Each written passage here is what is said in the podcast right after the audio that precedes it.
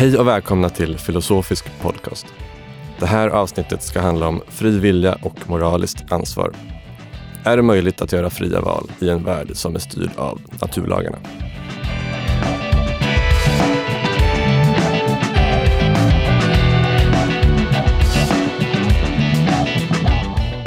Så idag har vi med oss eh, Sofia Jeppsson, lektor i filosofi vid Umeå universitet och Maria Svedberg, forskare i filosofi vid Uppsala universitet. Och vi som leder diskussionen är jag, Olle Risberg. Och det är jag, Stina Björkholm. Och vi tänkte att vi skulle börja med vad handlar den här frågan om egentligen? Man pratar om fri vilja och moraliskt ansvar och sånt där och man är orolig över att man inte har det, eller man hoppas att man har det kanske. Men vad är det det handlar om mer exakt? Ja, eh, alltså jag tycker att själva den här, det kanske är ett bra sätt att börja, att själva den här termen fri vilja tycker jag blir lite vilseledande när man använder på så sätt att den kan få folk att tänka på något annat än det som den här moderna filosofiska debatten faktiskt handlar om.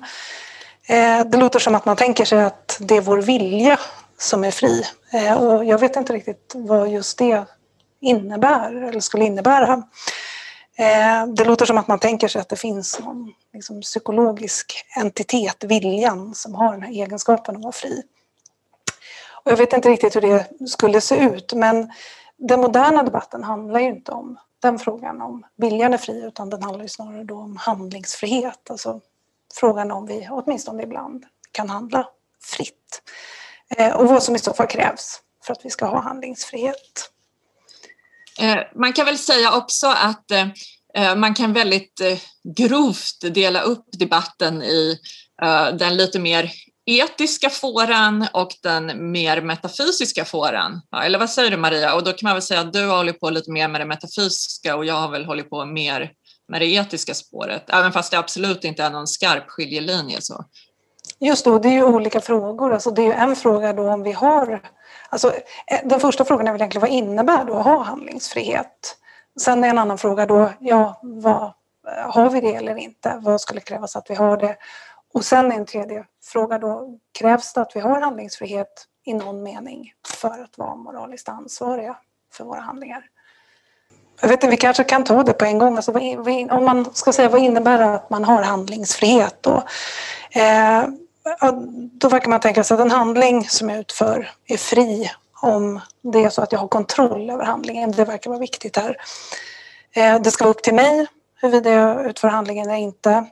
Och sen ska det också vara så att jag kunde ha handlat annorlunda så att det finns olika alternativ som är tillgängliga för mig. Eh, och frågan är då hur man ska förstå de här kriterierna med kontroll och alternativ. Och en del menar ju då att den här tanken vi har om att vi har fri vilja i den här meningen, att den är inkoherent. Alltså att, och det är just den här tanken då att det finns flera alternativ Eh, men det är, upp till, och det är också upp till mig då att avgöra vilket av de här alternativen som, som blir verklighet.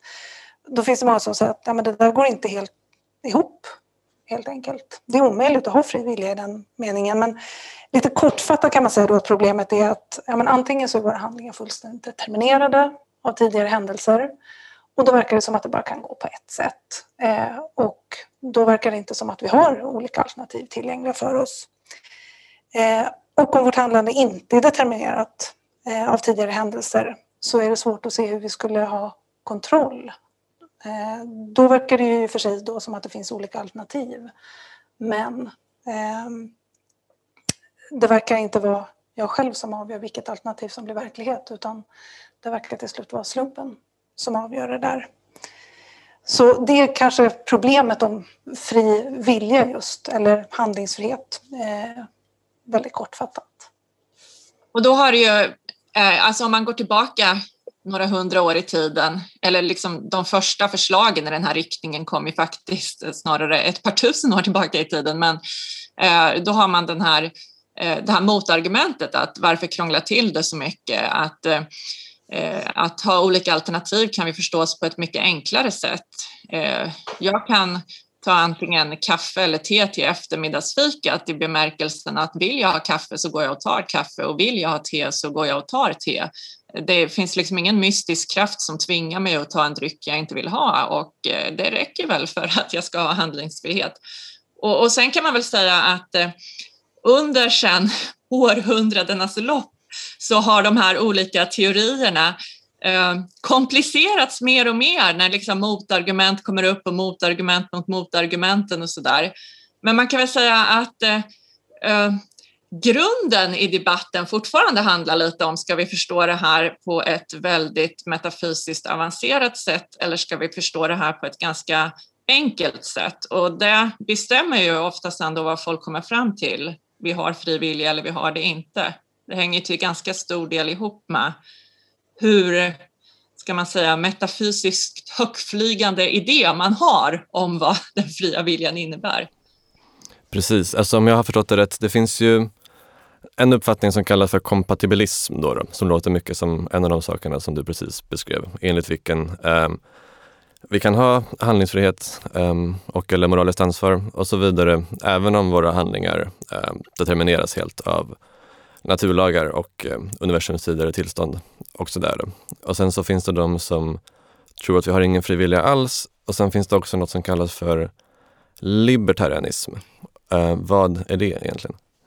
Ja, alltså eh, en modern variant på libertarianism, där ska jag säga att det är väl något ganska nytt i debatten, ja, i alla fall i förhållande till hur länge den har pågått.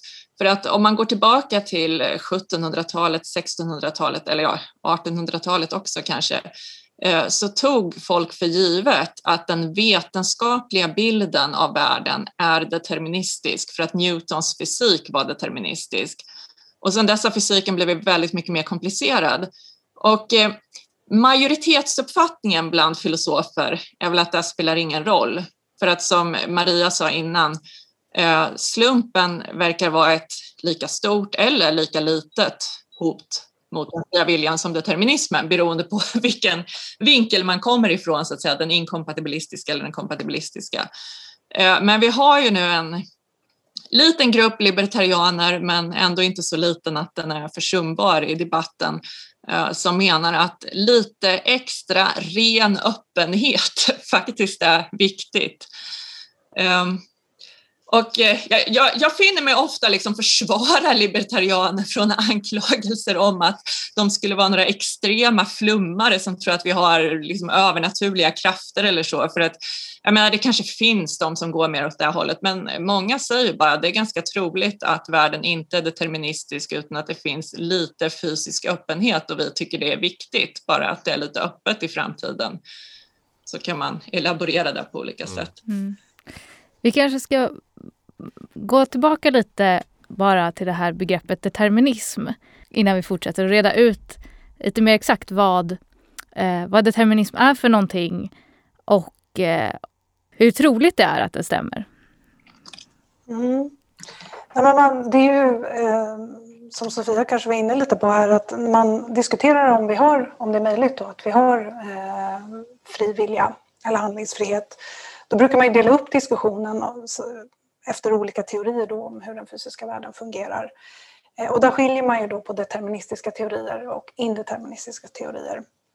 Man brukar definiera då indeterminism som negationen av determinism så att man tänker sig att det här är en dikotomi, antingen är världen deterministisk eller indeterministisk. Och om världen då är deterministisk, då är allt som sker determinerat, alltså även våra handlingar är fullständigt determinerade och det betyder då att eh, det följer från hur världen såg ut för säg en miljard år sedan tillsammans med naturlagarna. Allt som sker nu. Eh, och då är det ju så att givet att det förflutna ser ut som det gör och naturlagarna är som de är, då kan det i varje valsituation bara gå på ett sätt. Och då tycker man att, ja men hur ska det då kunna vara sant att vi har handlingsfrihet. Eh, och problemet är väl just det att man tycker att det verkar som att man inte då kunde ha handlat annorlunda än vad man faktiskt gjorde. Ehm. Eh, jag kanske ska lägga in också att en sak som jag faktiskt insåg först för några år sedan, fast jag har hållit på med det här ämnet mycket längre än så, var att inom andra vetenskaper så använder folk ibland ordet determinerat på ett mycket slappare sätt. Liksom. Så fort det är orsak och verkan så slänger de sig med ordet determinerat. Och det är alltså inte så vi använder det i den här filosofiska debatten, utan om någonting är determinerat av tidigare orsaker så var det 100 procent säkert givet dessa tidigare orsaker att den determinerade grejen skulle inträffa, inte bara liksom 95 procent sannolikhet eller någonting. Så ja, litet instick, men jag tänker att det är, det är ganska viktigt. Är det inte också eh, vanligt att man eh, blandar samman begreppen determinism och fatalism? Ja, alltså att eh, man, folk tror ibland att eh, om eh, framtiden är determinerad så innebär det att det inte spelar någon roll vad jag gör, för det blir samma resultat oavsett. Eh, så att de tror så här att ja, ja, men om det är förutbestämt till exempel att jag kommer att få covid-19, eh, då, ja, då kommer jag ju få det. Det spelar ingen roll liksom, om jag eh, går på konserter på en svart klubb i en trång källare eller om jag stannar hemma och isolerar mig. Om det är förutbestämt att jag ska få covid-19 kommer jag få det oavsett vad jag gör. Och om det är förutbestämt att jag ska klara mig så kommer jag klara mig oavsett vad jag gör. Men det är en väldigt sorts grov form av fatalism. Medan determinismen, eh, där är det ju hela tiden så att det som händer är bestämt av tidigare orsaker. Och om jag får covid-19 efter att ha varit eh, på den här källarklubben då i strid med alla rekommendationer och pandemilagar eh, så kan det vara sant att om jag rent hypotetiskt hade stannat hemma och isolerat mig så hade jag klarat mig. Nu var det ju tyvärr förutbestämt av naturlagarna och det förflutna som Maria pratade om, att jag skulle bli en sån här person som eh, är väldigt eh, dumrebellisk och gärna bryter alla regler. Och eh, när jag sen då fick syn på någon sorts internetannons om den här källarkonserten så liksom interagerade perceptionen av den här annonsen med mina karaktärsdrag på ett sådant sätt att jag då bestämde mig för att gå på klubben och gick på klubben och så vidare. Eh, så det här är ju en lång deterministisk kedja, men om det rent hypotetiskt hade varit så att jag hade varit duktig och stannat hemma och isolerat mig så kanske jag hade klarat mig. Den andra frågan som Stina nämnde var ju då, stämmer determinismen egentligen? Vet vi det? Eller är det, hur ska man tänka på det? Är det en, en vetenskaplig fråga eller en filosofisk fråga? Eller vad säger ni? Men idag så vet vi inte om determinismen är sann eller inte. Och det är ju inte egentligen filosofernas jobb att ta reda på det utan det är faktiskt fysikernas. Eh, och om jag har förstått det rätt då så är läget inom fysiken sånt att man Idag är, då är man då inte överens om vilken teori eh, som är den korrekta om hur världen funkar. Eh, hur den fysiska världen är beskaffad. Eh, och dessutom är det så att de mest populära eh, och kanske de mest troliga teorierna, då, där finns det också to olika tolkningar av dem. Och enligt vissa tolkningar så är världen då deterministisk och enligt andra tolkningar så är den indeterministisk. Så att, jag vet inte, jag det här kanske var mer vanligt för 10-15 år sedan när man undervisade att det var många studenter som kom med inställningen att ja, det är bevisat att determinismen är falsk, att det råder indeterminism. Och det var ganska svårt att ta ur dem den, den uppfattningen. Men jag upplever inte riktigt samma motstånd längre utan det är väl helt enkelt så att vi vet inte idag om vår värld är deterministisk eller inte. Och det verkar som att vi inte kommer veta det inom en snar framtid heller. Alltså det, så har jag förstått läget där. Och det gör ju då att ska man svara på den här frågan om vi har handlingsfrihet då får man ju helt enkelt titta på de två olika fallen. Då. Att man tittar först på determinism och funderar över vad innebär det eh, för våra möjligheter att ha handlingsfrihet. Och sen så får man diskutera indeterminismen separat. Och har vi riktigt otur så skulle det kunna vara så att vi kommer fram till att det är möjligt att vi har fri vilja i en indeterministisk värld, men vår värld är faktiskt deterministisk. Och det är ju då en sak som skiljer den nutida debatten från hur debatten såg ut för några hundra år sedan. Just att de flesta filosofer skriver ju medvetet väldigt agnostiskt. Liksom, de håller det öppet om världen är deterministisk eller indeterministisk. Eh, och både kompatibilister och skeptiker idag brukar ju lägga fram argument som eh, funkar oavsett om världen är deterministisk eller indeterministisk. Eller att man har två liksom parallella argument. Eh, så så det, det, är ju någonting som skiljer sig. Om man går tillbaka till David Hume på 1700-talet så skrev han ju saker som att om det inte är determinism, då skulle allting vara helt slumpmässigt, liksom världens kaos och människor skulle vara helt bananasgalna liksom. våra karaktärer inte var deterministiska. Och det var väl en ganska vanlig inställning. Vi har de här två alternativen, determinism eller totalt kaos. Och, och så tänker vi inte om fysik idag. Vi tänker att fysiken, det kan vara så att eh, universum innehåller lite råa sannolikheter till exempel eh, som inte kan reduceras ner till någon underliggande determinism. Det, det, skulle kunna vara så. Men det betyder inte att allting bara är kaos och helt galet. Liksom. Jo, det är också möjligt att även om det råder indeterminism på någon slags nanonivå så är det ju inte säkert att den spiller över till makronivå för våra handlingar. Så att det kanske är att, så att även om det finns eh, vissa slumphändelser då på nanonivå som är indeterministiska så kanske det är så att alla våra handlingar är fullständigt determinerade av tidigare händelser.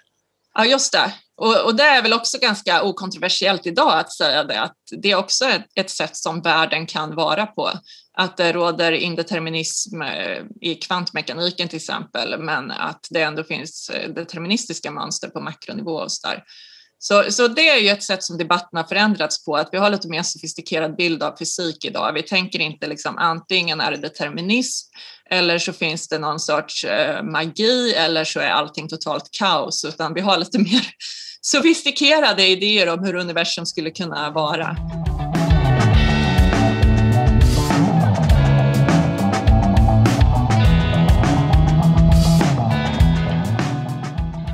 Som ni var inne på nu och som ni har varit inne på förut så är det ju det att en intressant sak med debatten är att man ofta utgår från den här deterministiska idén och då varför man då inte skulle kunna ha fri vilja givet determinism. Men som ni också är inne på att även givet indeterminism så är det svårt att se att vi skulle ha fri vilja. Att även ett, ett, slumpmäss, ett slumpmässigt val är inte heller ett fritt val. Och ett determinerat val verkar inte heller vara ett fritt val. Och då kan man ju bli lite tokig på den här debatten för att då blir man bara, vad är, vad är frihet överhuvudtaget då? Om, om inget av de här svaren är godtagbara, vad är mellantinget så att säga? Men det finns väl något slags, om, man, om vi tänker då på hur ska vi förstå handlingsfrihet och då fin, det finns ju då den här starka betydelsen att man tycker att, eh, att vi har de här alternativen och det är verkligen genuint upp till mig att avgöra. Eh, och, där, och där kanske det, sen finns det ju då de som försöker rädda den fria viljan och handlingsfriheten genom att ha någon svagare innebörd av det där. Eh, och den kanske funkar oavsett om världen är deterministisk eller indeterministisk. Sofia var ju inne på det. Alltså att, eh, en väg är ju liksom att hävda då att ja, men, handlingsfrihet, ja, det består helt enkelt i att eh, jag gör det jag vill göra, att det finns olika alternativ som är tillgängliga för mig i en väldigt svag mening. Alltså, om jag går på en lunchrestaurang och det finns bara ett ehm, förslag på menyn, ja, då har jag inga alternativ. Men finns det tre, fyra förslag, ja, då räcker det för att vi ska tycka att jag har alternativ att välja mellan. Och så länge det är ingen som tvingar mig att välja ett av de här förslagen, utan jag kan ta det jag vill, ehm, då räcker det för att jag ska ha handlingsfrihet. Ehm, och, och, i den här traditionen så har vi också, jag bland annat eh, jobbar i den här traditionen så att säga, man kan ju på olika sätt eh, förstärka och komplicera vad som krävs för att vara fri utan att komma in på de här metafysiska determinismfrågorna till exempel. Så att jag har till exempel skrivit en artikel om att eh, det kan ju vara ett hot mot friheten Eh, om man psykologiskt har svårt att föreställa sig andra alternativ eller ett annat sätt att leva än det man har just nu, vilket ju i sin tur kan bero på olika saker och så. Så att det finns mycket psykologiskt att diskutera här, men man kan fortfarande eh, ha åsikten då att ah, jag har all tankefrihet och handlingsfrihet jag kan önska mig och behöver om eh, jag har, som Maria sa, flera alternativ på menyn, ingen håller en pistol mot huvudet och det är inte heller så att jag har blivit så socialiserad in i att tänka att man måste äta korv till lunch, att andra alternativ blir otänkbara för mig och det är liksom inga sådana här grejer. Då är det lugnt. Och om man har den här idén om eh, frihet, då är ju inte någon rimlig indeterminism ett hot heller. Eh, för som eh, filosofen Laura Ekström har påpekat då att eh, även om det råder någon sorts indeterminism i världen och även om den inte bara är på kvantnivå utan fortplantar sig upp till lite indeterministiska händelser i hjärnan och sådär så behöver ju det inte betyda att man sagt blir så här helt koko och gör så här helt random grejer utan förklaring utan det kan ju ändå vara kompatibelt med att man är så att säga en en vettig person som läser igenom menyn och tar det man är mest sugen på. Alltså det är ju ett sätt att försöka rädda den fria viljan eller handlingsfriheten. Sen så finns det ju de som är lite mer, som inte köper det där, som tycker att nej, men det där räcker inte. Det finns ju massa olika invändningar då. Eh, och som tycker att ja, men det, det måste vara frivilligens i en starkare mening. Det räcker inte med att till exempel det här hur man ska förstå, jag kunde handlat annorlunda. Många som tror på frivilliga då säger att ja, men jag kunde ha handlat annorlunda. Det betyder bara att om jag hade velat göra någonting annat så skulle jag ha gjort det. Eh, men det där tycker många inte duger utan det ska vara sant att jag kunde ha handlat annorlunda i en kategorisk mening. Alltså, givet att allting var precis som det var när jag valde det jag gjorde så kunde jag ha gjort någonting annat. Och då är det inga om jag hade velat något annat eller något sånt där utan det är en kategorisk mening. Men det är ju de som då får större problem om de ska visa att handlingsfriheten är förenlig med determinism och även med indeterminism. Då. Det finns ju ett välkänt och inflytelserikt argument mot den typen av eh, kompatibilistiska hållning som Sofia beskrev nu som kallas för konsekvensargumentet. Och vi har väl närmat oss det på olika sätt redan flera gånger nu, men det kanske ändå kan vara bra att stöva ut det lite mer i detalj och diskutera huruvida det är ett övertygande argument eller inte. Och Maria, du skrev ju faktiskt en avhandling om just detta argument, så du kanske skulle vilja säga ett par ord om det. Ja, eh, och då är det väl så, alltså konsekvensargumentet är väl det mest kända argumentet för att fri vilja eller handlingsfrihet då är oförenlig med determinism. Eh, och det är Peter van Imhagen som Eh, eh, var en av de första som framförde ett argument eh, som bygger på den tanken. Och mer strikt då så är tanken följande, alltså om determinismen är sann då är allt som inträffar fullständigt bestämt av hur världen såg ut för sig en miljard år sedan tillsammans med naturlagarna. Och ytterligare en premiss här då är att vi, det ligger inte i vår makt att påverka hur världen såg ut för en miljard år sedan. Och det ligger inte heller i vår makt att påverka eh, vilka naturlagarna är och hur de ser ut. Och vi har inte heller då i vår makt att påverka konsekvenserna av naturlagarna och det förflutna. Och eftersom allt då, om determinismen är sann, allt som inträffar i nutid, inklusive våra handlingar, är konsekvenser av det förflutna tillsammans med naturlagarna så ligger det helt enkelt inte i vår makt att påverka vilka handlingar vi utför. Så att ett sätt att uttrycka då slutsatsen i konsekvensargumentet är att säga att om determinismen är sann så kunde vi aldrig, aldrig ha handlat annorlunda än vad vi faktiskt gjorde. Och jag tycker det som är intressant med konsekvensargumentet är ju, alltså det är ett argument som har övertygat många om att handlingsfrihet är oförenlig med determinism. Och om inte annat så visar det i alla fall vilket pris vi måste betala eh, om vi vill hävda då att vi har handlingsfrihet i ett deterministiskt universum. Sen så finns det en omfattande debatt som försöker visa att det är något logiskt fel på konsekvensargumentet, alltså att det är något, man har gjort något logiskt felslut eller något logiskt misstag. Eh, det där tycker jag att man har lyckats på senare år avvisa på ett ganska övertygande sätt. Så att jag skulle säga att det konsekvensargumentet visar det är att om vi ska säga att vi har handlingsfrihet i ett deterministiskt universum, ja, då, då måste vi säga att vi har en förmåga att i en kontrafaktisk mening då påverka antingen naturlagarna eller det avlägset förflutna. Det är det man måste gå med på. Skulle du kunna säga något om vad det där påverka i en kontrafaktisk mening betyder? För jag kommer ihåg att när jag, när jag läste um, en uppsats av David Lewis om det här så tyckte jag att det var förbannat svårt för han säger något i stil med att ja, det är ingen som hävdar att vi kan ändra på naturlagarna och inte heller någon som hävdar att vi kan ändra på det förflutna. Utan det enda vi hävdar är att vi kan agera på sätt sådana att om vi hade gjort det så hade naturlagarna eller det förflutna varit annorlunda. Och det där tycker jag är väldigt svårt att förstå. Kan man säga något, något hjälpsamt om det kanske? Mm. Jo, men det är väl ett, på ett sätt då ett försök att ta udden av det uppenbart orimliga eller kanske till och med inkoherenta i en sån här kompatibilistisk ståndpunkt. Alltså, det vore nog inkoherent att säga att jag kan handla så att jag kan ändra på det förflutna. Alltså det förflutna ser ut som det gör.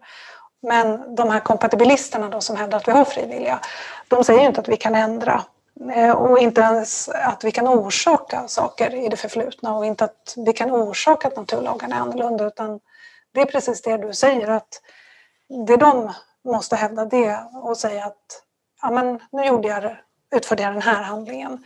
Jag kunde ha gjort någonting annat och om jag hade gjort det då skulle naturlagarna eller det förflutna har varit annorlunda. Och det skulle inte varit min handling som orsakade det där. Och det är inte så att det förflutna skulle sett ut på ett sätt och sen skulle det ändrat sig utan det skulle helt enkelt ha varit annorlunda. Redan från början så att säga? Ja, precis. Och nu var det inte det. Nej men visst, men en del skulle säga att det är lite samma sak som att det kanske redan idag är sant att jag kommer utföra en viss handling imorgon.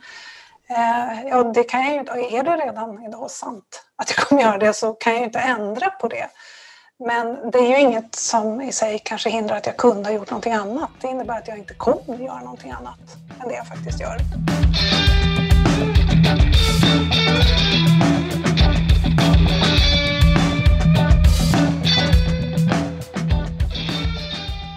Eh, ja, konsekvensargumentet, om det håller eller inte, det är en logisk fråga. Eh, det finns väl liksom objektiva svar på det så att säga.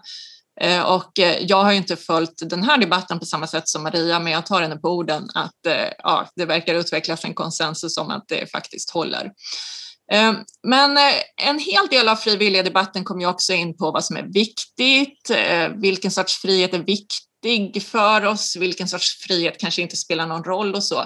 Och här är vi ju genast inne på lite mera lösa träskmarker så att säga. Vad är viktigt eller inte? Det är inte lika uppenbart som håller det här logiska resonemanget eller inte.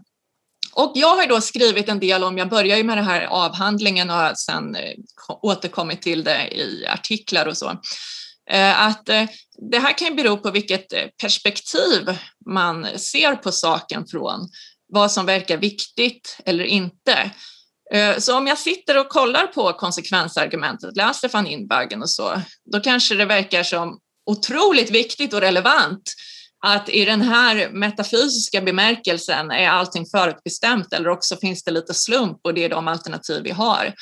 Och även eh, om jag tar del av hjärnforskning och så och tittar på att åh, eh, om jag gjorde ett val måste det ju ha tidigare orsaker i hjärnan och det måste ju gå tillbaka till orsaker jag inte ens är medveten om. Det kan se väldigt problematiskt ut och så.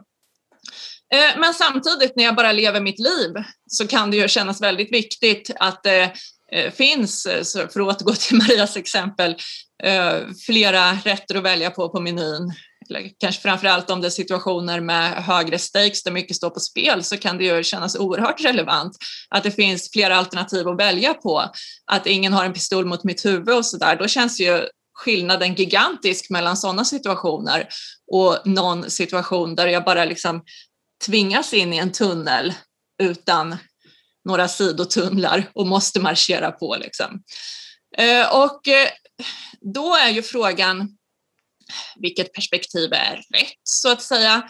Eh, och jag har argumenterat för att det är inget konstigt eller dumt eller någonting vi borde komma över.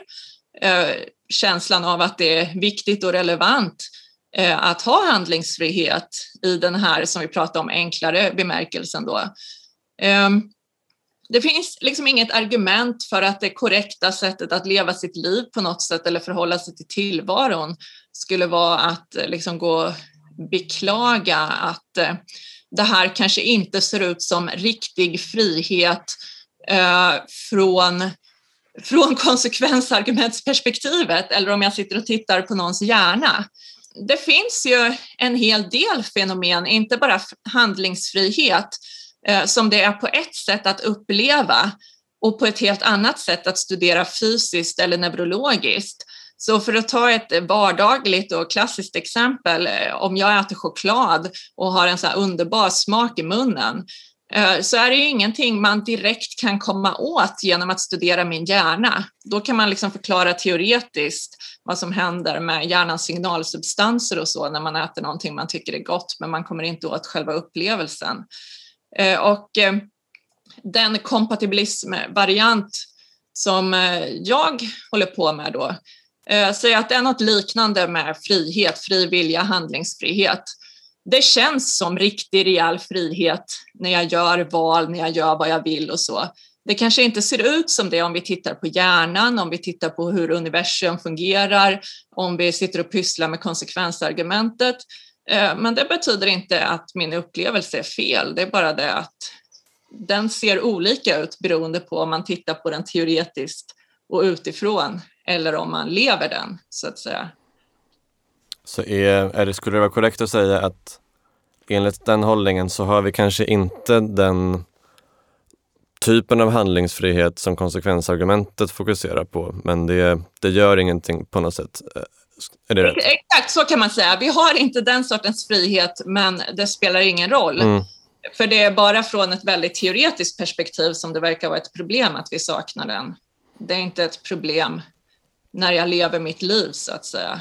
Just det, precis. Alltså Galen Strawson då, han har ju någon idé om vad han kallar för eh, himlen och helvetet frihet. Alltså har vi den här typen av frihet som skulle rättfärdiga och straffa oss i helvetet ifall vi gör något dumt eller belöna oss i himlen ifall vi har gjort något snällt. Och man behöver inte tro på, på de här idéerna förstås. Då. Men en fråga man kan ställa sig är är den typen av frihet vi har så moraliskt viktig på något sätt? Att den kan rättfärdiga, rättfärdiga belöningar och straff och sådär. Hur skulle du ställa dig till den frågan, givet ditt synsätt?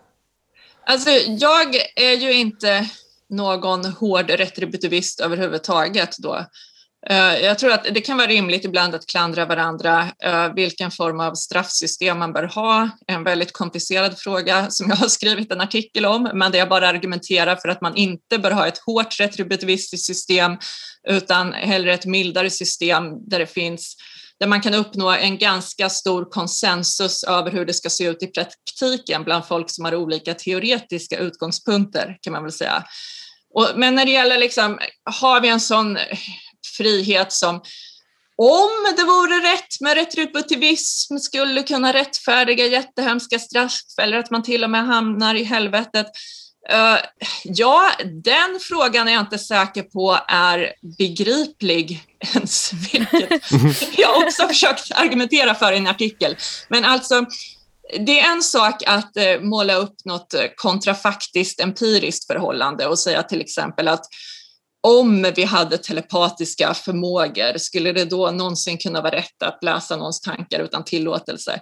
Alltså det tänker jag med att vi ändå kan ta ställning till. Men eh, Galen Strawson vill här att vi ska ta hänsyn till ett kontrafaktiskt moraliskt förhållande, vi som inte är några hårda retributivister då. Och, och så frågar han, ja men om det här vore moraliskt rätt, skulle då vår fri vilja räcka till? Och jag, jag vet inte ens om det är en rimlig fråga. Ehm, och även Angela Smith eh, som också är kompatibilist, eh, inte riktigt samma tradition som jag, men jag tycker hon skriver ganska mycket viktigt, eh, vettigt. Hon har också nämnt det lite i förbifarten i någon av sina artiklar vet jag att hon pratar inte om nu någon sorts himmel och helvete. Alltså det är möjligt att det skulle krävas något annat för himlen och helvetet. Jag vet inte, men nu är jag intresserad av mer normala praktiska spörsmål och då tycker jag att det här räcker. Men jag tycker det är intressant det där. Alltså, poängen i den här himmel och helvete-diskussionen är väl just att det verkar som att många ändå inte är på Sofias icke-retributivistiska bana utan det finns många som verkar genuint tycka att folk verkligen, har de gjort något riktigt dumt så förtjänar de att straffas väldigt hårt, kanske till och med då, särskilt historiskt sett, att man förtjänar att brinna i helvetet i evighet. Och också man ska ju fokusera inte bara på det utan har man gjort något väldigt bra så förtjänar man evig lycka i himlen.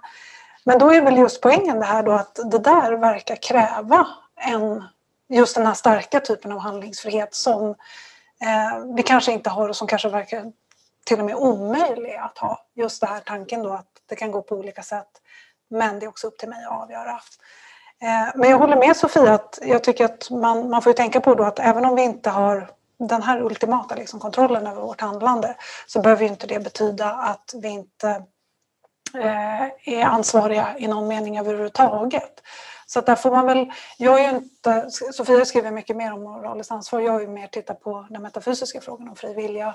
Jag är inte säker på att jag förstår riktigt vad folk menar när de pratar om moraliskt ansvar. Och jag tror också att det är uppenbart att olika personer menar väldigt olika saker. Men man kan ju prata om moraliskt ansvar i någon slags lösare, mer pragmatisk mening. Alltså att Eh, det skulle kunna innebära att vi helt enkelt bör hålla folk ansvariga eh, genom att straffa dem om de gör någonting dåligt. Helt enkelt för att de, eh, det har bra konsekvenser att göra det. Vi vill påverka folks handlande. Eh, och då tänker vi att ja, men det avskräcker. Om man klandrar folk för saker de gör som vi inte vill att de ska göra då, då räcker det för att påverka folks handlande. Sen är det frågan om det har sådana effekter. Alltså att straff mm, hindrar folk från att eh, begå eh, dumma eh, brott. Eh, jag skulle vilja säga också att eh, nu för tiden så är det väl kanske inte så vanligt att man är så här rakt av konsekventialistisk. Så Maria, du tänkte väl kanske på JJC Smart och det argumentet. Så eh, Smart var eh, en 1900-talsfilosof som skrev en artikel där han argumenterade just för att oh, men vi ska straffa och belöna, klandra och berömma för att det får bra konsekvenser, liksom. det påverkar folks beteende. Eh, men eh, jag tror majoriteten i debatten på så att säga den antingen kompatibilistiska eller, eller mer skeptiska sidan eh, folk som verkligen hävdar så här att ja, den viktiga handlingsfriheten, eller i alla fall en viktig form av den, är den här som vi inte kan ha. Eh, de, känner, de flesta känner sig väl ändå ganska obekväma inför tanken att vi alla ska gå runt och träna varandra som någon sorts eh, liksom, primitiv form av hundträning fast att vi alla tränar varandra samtidigt. Utan det är väl kanske vanligare då att man eh, har någon lite mer Stråson-inspirerad teori som är också en 1900-talsfilosof som menade att eh, det helt enkelt faller sig väldigt naturligt för oss. Det är naturligt psykologiskt för oss att till exempel bli sura om någon är dum mot en och bli tacksam om någon gör en en tjänst. Och vi behöver inte så mycket liksom, extra teoretiska rättfärdiganden för att, eh, för att få följa vår natur så att säga. Eh, på det här sättet. Sen kan man fortfarande diskutera då, okej, okay, hur mycket är så ingrott i oss att det är mer eller mindre oundvikligt? Hur mycket skulle vi kunna reformera samhället och det sätt som vi förhåller oss till varandra på? Alltså det kan man ju fortfarande diskutera i den här traditionen.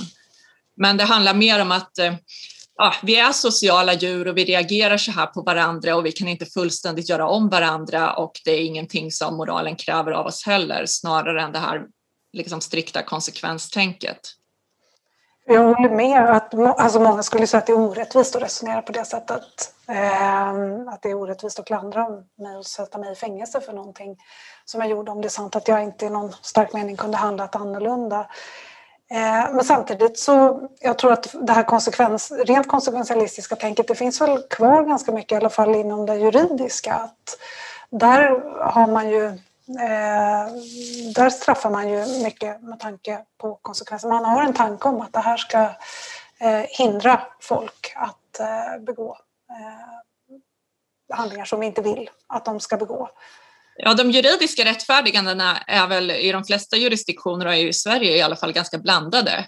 Man har det här avskräckningstänket, man har också retributivistiska tankar och och kanske någon rehabiliteringstanke också, fast eh, den hade väl större plats förr och har sen liksom krympt mera och sådär. Så det är ganska mixat. Alltså jag tänkte på en sak, så man kan ju tycka att ja, det här konsekvensargumentet, det är något suspekt med det då, för att det, är liksom, det, är något, det har något lite världsfrånvänt över sig. Alltså det är väldigt abstrakta resonemang som inte på något direkt sätt tar avstamp i vår faktiska praktik. Liksom. Och som jag förstod din hållning Sofia, så är det det som man kan eh, också kritisera det för. Att ja, det är det där kan ju se liksom oroväckande ut på håll, men när man sen kollar på hur vi faktiskt beter oss så är det inte den typen av överväganden som verkar vara så relevanta. Liksom. Eh, men det finns ju en annan sorts skeptisk argumentation som är mer det här, alltså om vi kollar på, som du beskrev, fall av faktisk eh, påverkan utifrån som verkar problematisk. Alltså om jag, om jag beter mig på ett visst sätt för att jag har någon hjärntumör eller för att min familj är hotad av någon terrorist eller något sånt där. Då skulle vi säga att ja, men det där verkar vara ursäktande faktorer i någon mening. Då. Det var inte fritt handlande eller det kan inte vara handlande som jag var ansvarig för. Då. Eh, och kan man inte tycka att om det visar sig att någon sån här väldigt hård determinism är sann så är faktiskt alla, alla beslut är av den karaktären. Då. Alltså antingen är de här faktorerna en terrorist eller en tumör eller så är det faktorer långt bak i det förflutna. Men det gör de inte, de påverkar mig fortfarande på exakt samma sätt skulle man kunna oroa sig för. Alltså jag skulle säga att det där beror väldigt mycket på vad man anser det är mer exakt som ursäktar i olika situationer. Eh, så att eh, om jag till exempel handlar under hot så skulle det ju ibland kunna vara så att en handling som normalt sett vore fel helt enkelt blir moraliskt rätt.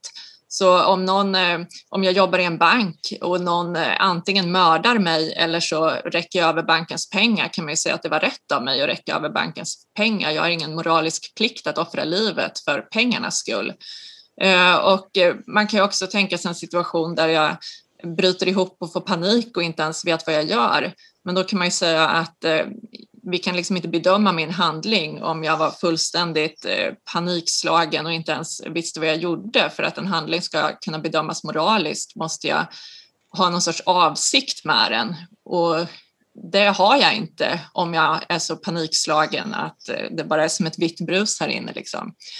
Eh, sen när det gäller hjärntumörer och även sånt som psykisk sjukdom och så. Jag tycker att det behandlas ju ofta allt för förenklat tycker jag i den filosofiska litteraturen. Alltså filosofer är förtjusta i att eh, springa runt på gränsen mellan rena tankeexperiment och verkligheten på ett sätt som kan bli ganska problematiskt för att man tappar bort vad det egentligen är man håller på med för tillfället.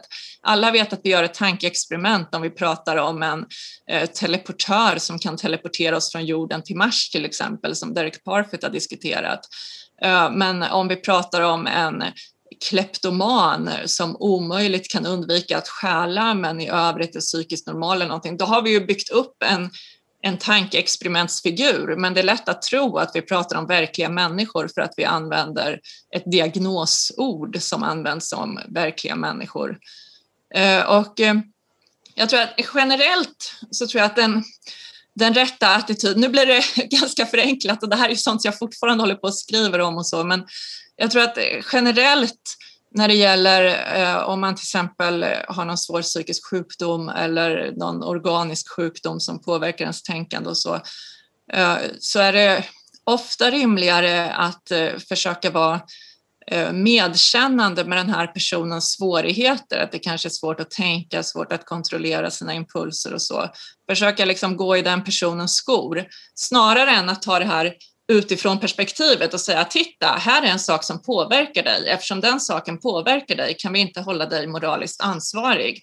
Uh, nu placerar vi dig i facket uh, som Stråsson säger då, uh, things to be managed and handled.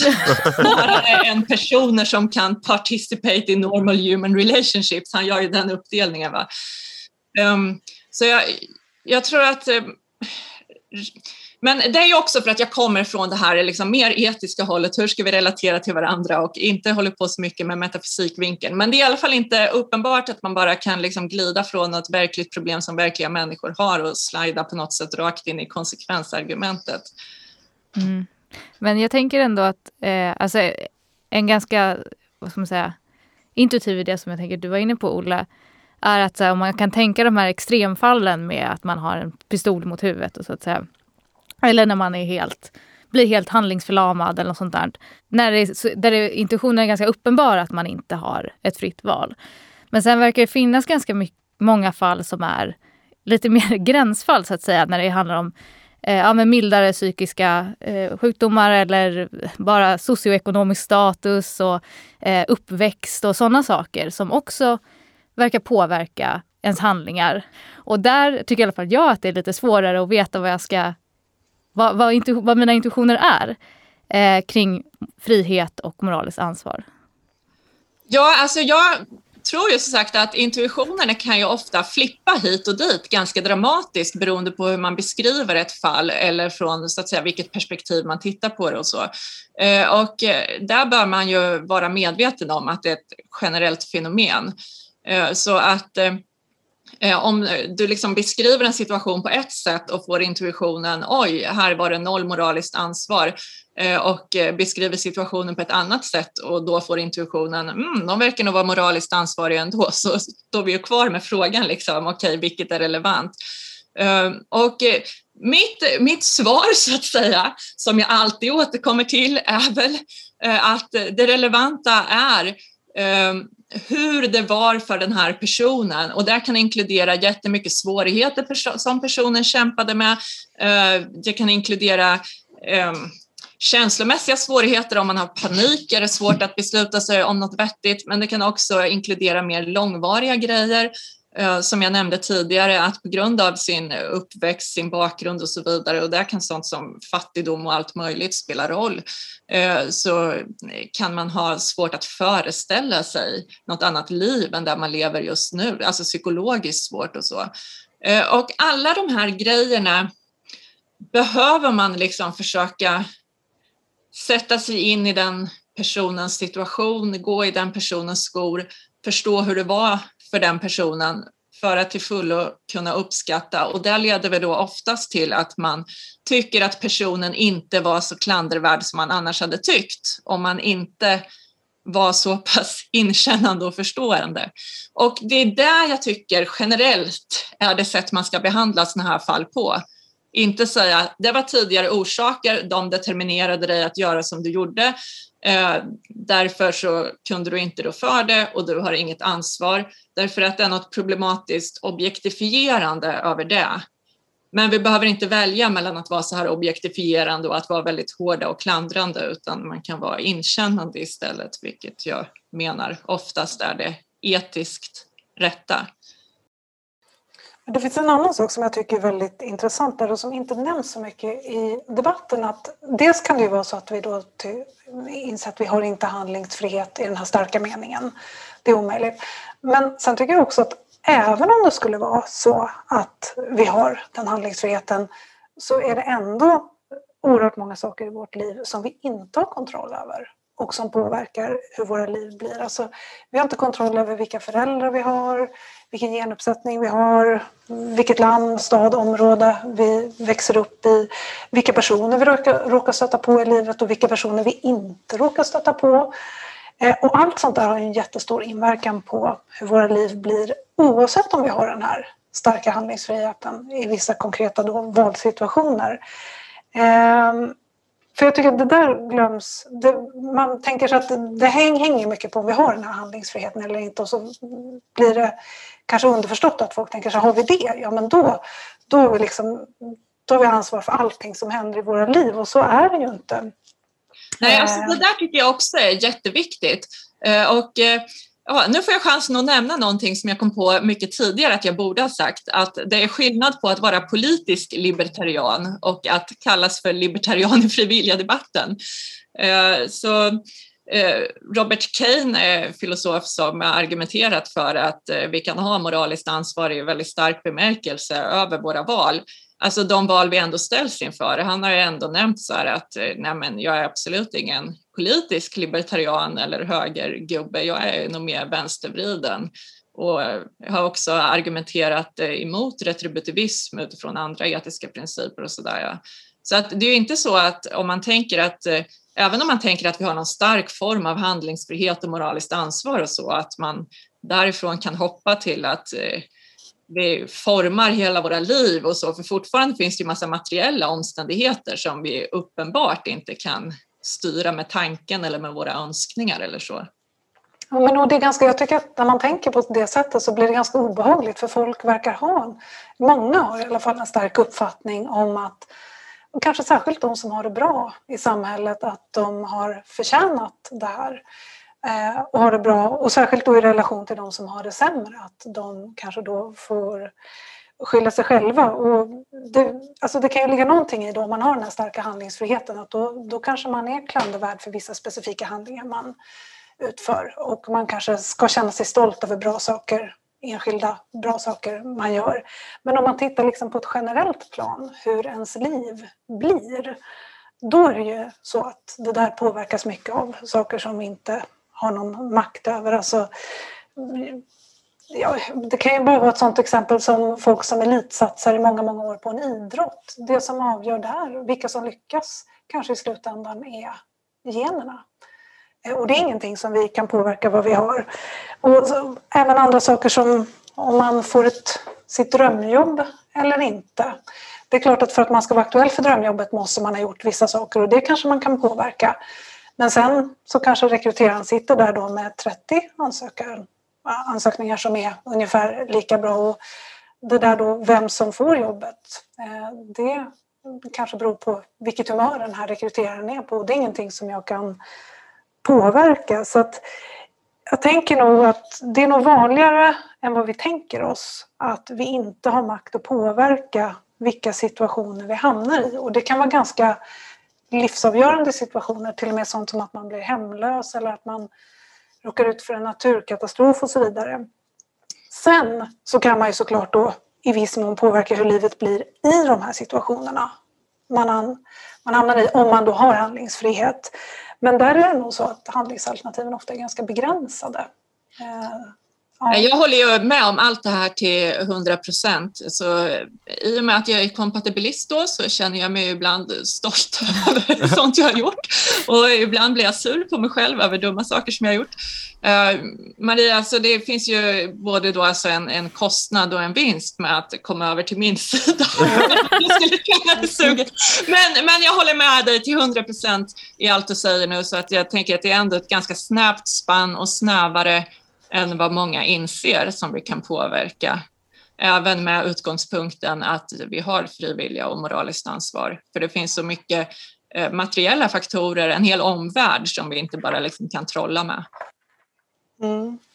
Ja, men man kan undra också varför har, varför har vi den här idén då om att vi kan påverka? Och en förklaring är ju då att, ja, att vi gärna vill att det ska vara så. Eh, de som får det väldigt dåligt kanske inte vill det men det kanske inte är de som sätter tonen heller utan de som har det bra vill gärna tro det här. Men jag tror också, vi har inte varit inne på det än, men jag tror också att det kan ha att göra med det här att vi har en upplevelse av att vi har fri vilja eh, som kan vara ganska stark.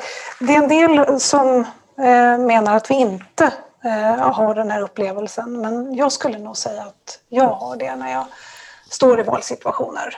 Kan du karaktärisera den upplevelsen lite grann? Jo, det är det som är lite lurigt. Det är en del då som, jag funderar ganska mycket på det här, för det är en del som säger att de inte har den här upplevelsen. De tror inte att vi har den här upplevelsen. Men om jag skulle säga då att eh, om jag står i en valsituation eh, så tänker jag mig ofta att jag har eh, lite, det kan gå på lite olika sätt i den här situationen och det är jag som avgör vilket av de här alternativen eh, som blir verklighet.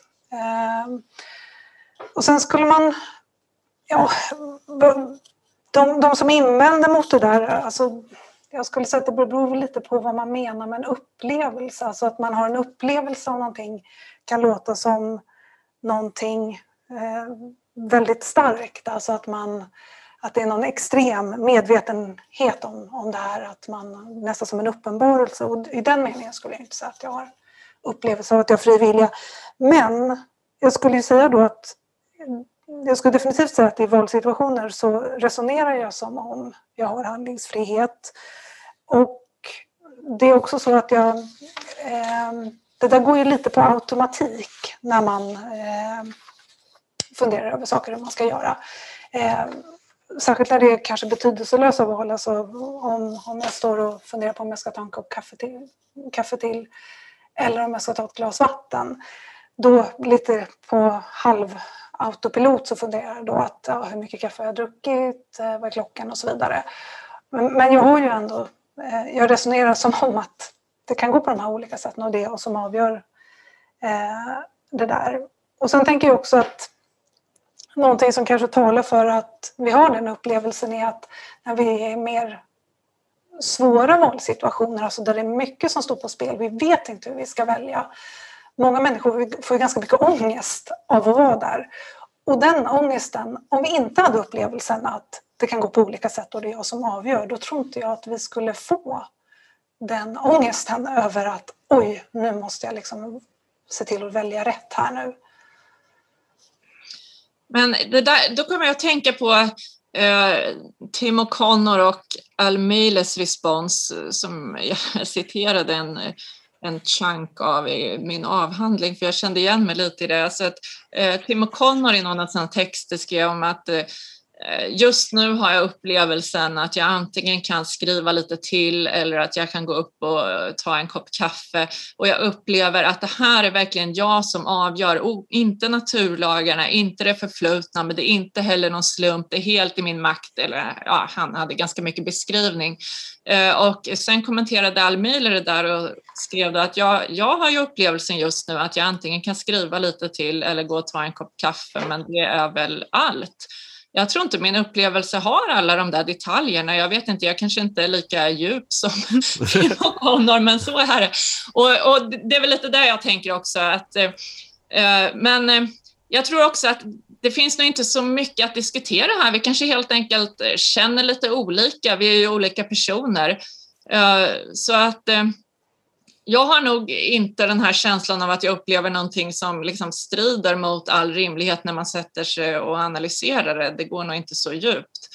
Men jag tänker att, men visst, om det ändå är en, en vanlig upplevelse att ha den här väldigt djupa frivilligupplevelsen så skulle det ju kunna kanske bidra till att vi tror att vi har helt orealistiskt mycket kontroll över tillvaron. Men jag tror också att det helt enkelt är en trösterik tanke. Alltså även om man sitter på botten av samhället och då den här idén att vi har så mycket kontroll innebär att man är klandervärd för att man sitter på botten så innebär den ju också att om jag bara jobbar hårt så kan jag, ja, the American dream eller vilket land man nu lever i. Men eh, det framförs ju ofta från statsvetare som en förklaring till att eh, så många fattiga i USA ändå är högervridna, att man tänker sig att man har kraften liksom att gå från rags to riches och bli rik om man bara jobbar hårt och så. Så till och med för den som är på botten kan det ju vara en skön och trösterik tanke idén att att man har så himla mycket kontroll över tillvaron. Eh, och eh, om det går bra för en så kan det ju vara en jätteskön tanke. Så jag tror att det finns en ganska enkel psykologisk förklaring till att man vill tro att man styr så mycket av sitt liv själv. Mm. Jag tänker bara, jag tänker om det inte då är en upplevelse, att vi inte upplever det här, vad, vad är det då? Ja, då är det någon slags antagande vi gör istället. Eh, men då funderar jag lite på om, om det skulle visa sig här nu att någon kan lägga fram verkligen övertygande argument som visar att vi inte har fri vilja, vad skulle hända då? Kan vi överge det här antagandet? Och jag, alltså om jag bara går till mig själv, jag tror ju, har väldigt länge trott att vi inte har fri vilja på ett teoretiskt, alltså intellektuellt plan. Men när jag då, eh, alltså jag blir ju övertygad av sådana argument som konsekvensargumentet, så det, det, är jag ganska säker på. Men sen då när jag går ut i vardagen igen och befinner mig i valsituationer, då resonerar jag ändå som om jag har just den här starka idén, alltså som att jag har den här starka typen av handlingsfrihet, alltså att jag, det kan gå på olika sätt och det är upp till mig att avgöra vilket som faktiskt blir fallet. Eh, det är jag som kan göra det. Och då tänker jag att ja, men då, då är det kanske inte bara något antagande jag gör för att jag vill att det ska vara sant, utan det är någonting mer. Det här är en upplevelse som att jag har den egenskapen att ha den här upplevelsen. Och sen så, det är ju förenligt med att upplevelsen är en illusion. Eh, och man skulle ju då kunna förklara att ja, men anledningen till att vi har den här upplevelsen det är att folk som har den upplevelsen handlar helt enkelt klokare Även om det, den faktiskt då är en illusion. Eh, den har helt enkelt överlevnadsvärde. Alltså, man störtar inte rakt ut i gatan utan man tittar sig omkring eh, och det gör att man överlever i högre grad. Eh, man kan få barn då, de ärver den här egenskapen, att ha den upplevelsen så att både de och jag handlar klokare. Och så förs den här egenskapen vidare då, rent genetiskt. Men det är ju då förenligt med att den, den inte stämmer. Alltså är det ens möjligt att handla överhuvudtaget om man inte antar att man har genuina alternativ? Alltså jag vet inte riktigt vad det skulle innebära att fatta ett beslut om jag inte tror mig kunna fatta något annat beslut än just det jag fattar. Alltså det är svårt att förstå det på något rationellt sätt kan man tycka. Men det som jag ska säga om det då, det är att eh, om eh, du ska fatta ett beslut, till exempel ska jag springa rakt ut mellan bilarna och hoppas på det bästa eller vänta tills det blir grönt ljus, eh, eftersom Maria introducerade det här trafikexemplet då. Ehm, så det jag skulle säga då är att då blir det helt enkelt, det blir irrelevant för ditt beslut hur din hjärna funkar, hur universum funkar och så vidare.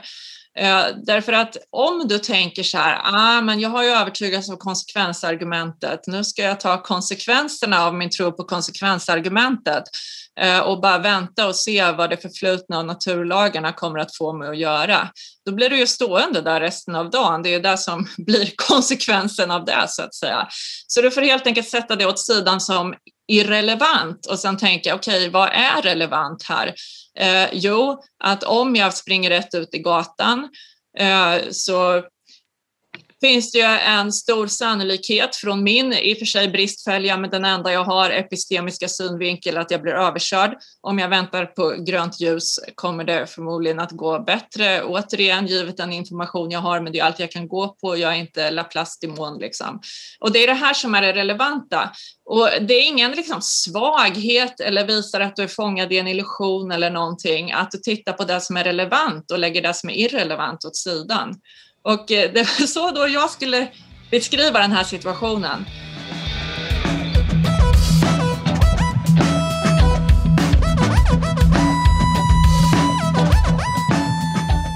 Bara för att sammanfatta skulle det vara intressant att bara höra lite kortfattat, avslutande, eh, era, era svar på frågan, har vi frivilliga? Okej, okay, jag försöker göra en kort pitch här. Det vi har det känns som fri vilja, men det ser inte nödvändigtvis ut som fri vilja när man tittar på hjärnan eller hela universum utifrån. Men det är helt okej, okay, för det betyder inte att känslan är en illusion. Och sen är ju mitt eh, stående Eh, min stående strategi i moraliskt ansvarsdiskussioner att det viktiga är att eh, se saker och ting från den andra personens synvinkel och sätta sig i den personens skor så långt det går snarare än att eh, återigen stå och titta på dem utifrån. Det var väl min korta sammanfattning av mina ståndpunkter. Ja, och jag tror ju då inte att vi har fri vilja eller handlingsfrihet i den här starka meningen. Jag tror att det varken går att förena det med determinism eller indeterminism. Men det betyder inte att jag inte tror att vi har något moraliskt ansvar överhuvudtaget i någon mening utan jag tänker att det går fortfarande att hålla folk eh, ansvariga i någon slags lösare, mer pragmatiskt motiverad eh, mening. Och sen kanske jag kan lägga till något som jag tänkte på innan här eh, som inte kom med lite att när man pratar om frågan om frivillig och handlingsfrihet så blir det ofta väldigt mycket fokus på diskussionen om moraliskt ansvar. Men jag skulle också vilja slå ett slag för att det är en väldigt metafysiskt intressant fråga i sig. Alltså det är en fråga om hur vår värld fungerar. Och jag tycker att den kanske är lite extra intressant då för att många i alla fall påstår sig ha den här starka upplevelsen av att ha kategorisk handlingsfrihet. Eh, men när man tänker efter lite närmare på det där så verkar inte det gå ihop och då är det väldigt spännande att försöka ta reda på om ja, men finns det något sätt man kan eh, se att vi skulle kunna ha den typen av handlingsfrihet. Som avslutning så brukar vi be våra gäster om de har några filosofiska tips som de vill dela med sig av.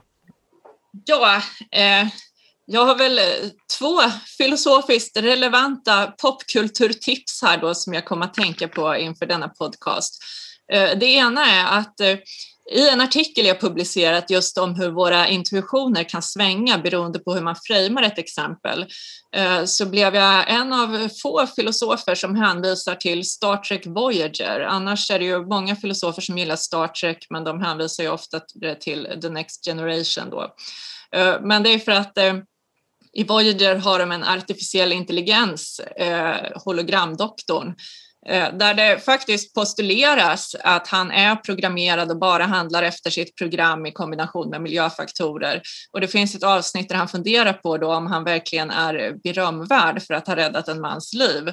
Men eh, en, eh, inte människa, men humanoid då, Eh, försäkrar honom om att det är väl klart att du är och kommer med lite kompatibilistiska argument och jag tycker det är intressant för att när man ser på en sån här tv-serie och får en hel karaktär som man har lärt känna så låter det liksom trovärdigt på ett helt annat sätt än när man sitter med ett tankeexperiment framför sig och läser Michael McKennas kompatibilistiska argument till exempel för att eh, den här figuren kan vara moraliskt ansvarig fast han är programmerad.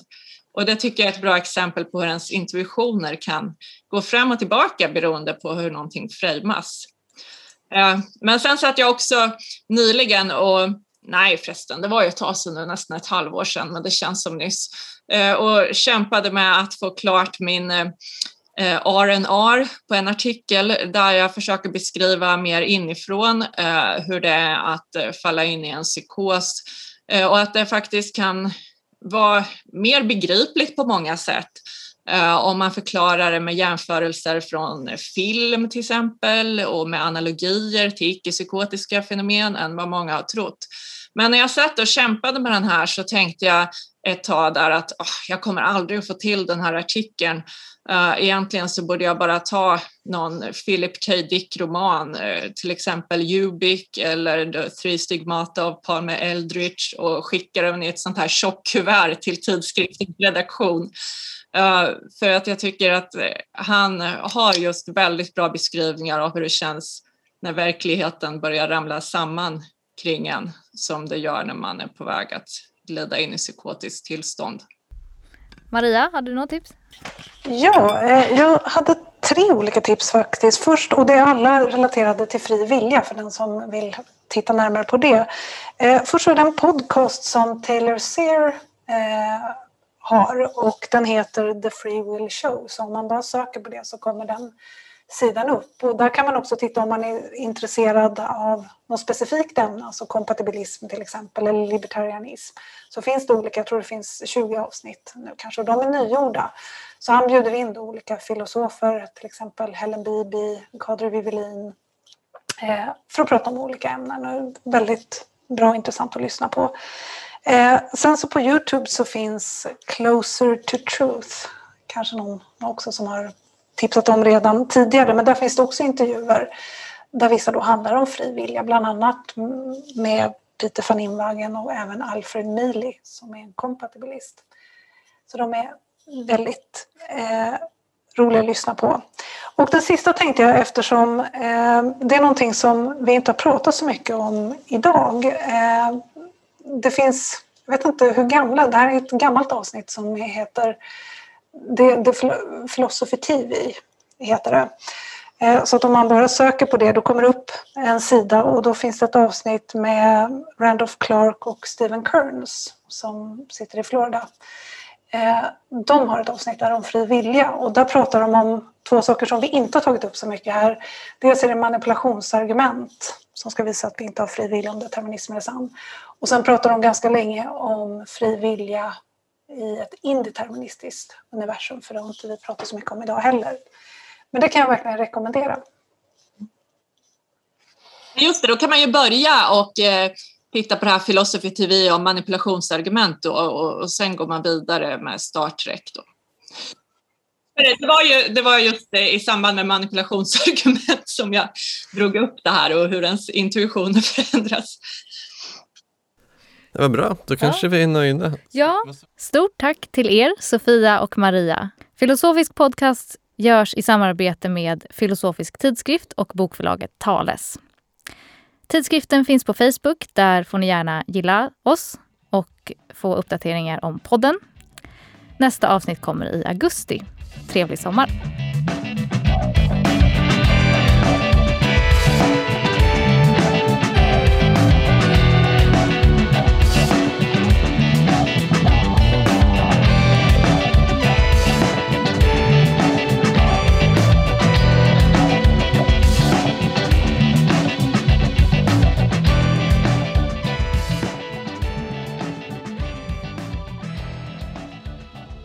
Alltså det är så roligt för att jag, jag var på en workshop uh, 2015 tror jag det var där med El Mili. Uh, sa så här i sin presentation att uh, ja, egentligen på sätt och vis är det väl så att alla bara pratar förbi varandra. När folk inte håller med varandra om mm. de har frivilliga eller moraliskt ansvar är det bara för att de menar olika saker. Men alltså, det är väl bäst att vi inte sprider den informationen för mycket för då blir det väl svårare att få det. Ja. Det som filosoferna inte vill att vi ska veta om. Hemligheten, det är en konspiration egentligen. Allt det här. Akademikerna konspirerar. ja. Ja, nej, men... Det var kanske därför jag skriver lite, bland annat därför som jag glider över till att skriva lite mer så här tillämpade grejer, mycket om mentalsjukdom och sånt. Alltså, mm. för jag, jag tror jag har gett upp på den här grundläggande debatten. Den kommer bara gå och gå och gå för alltid. Förlåt Maria! Men det är jättebra, då har jag massa att göra. Det är perfekt. Ja, just det. det är jag som ska beklaga dig. Det... Ja. Ja. Uh, Okej, okay. ha det bra hörni. Hej då. Hej då Sofia. Hej då.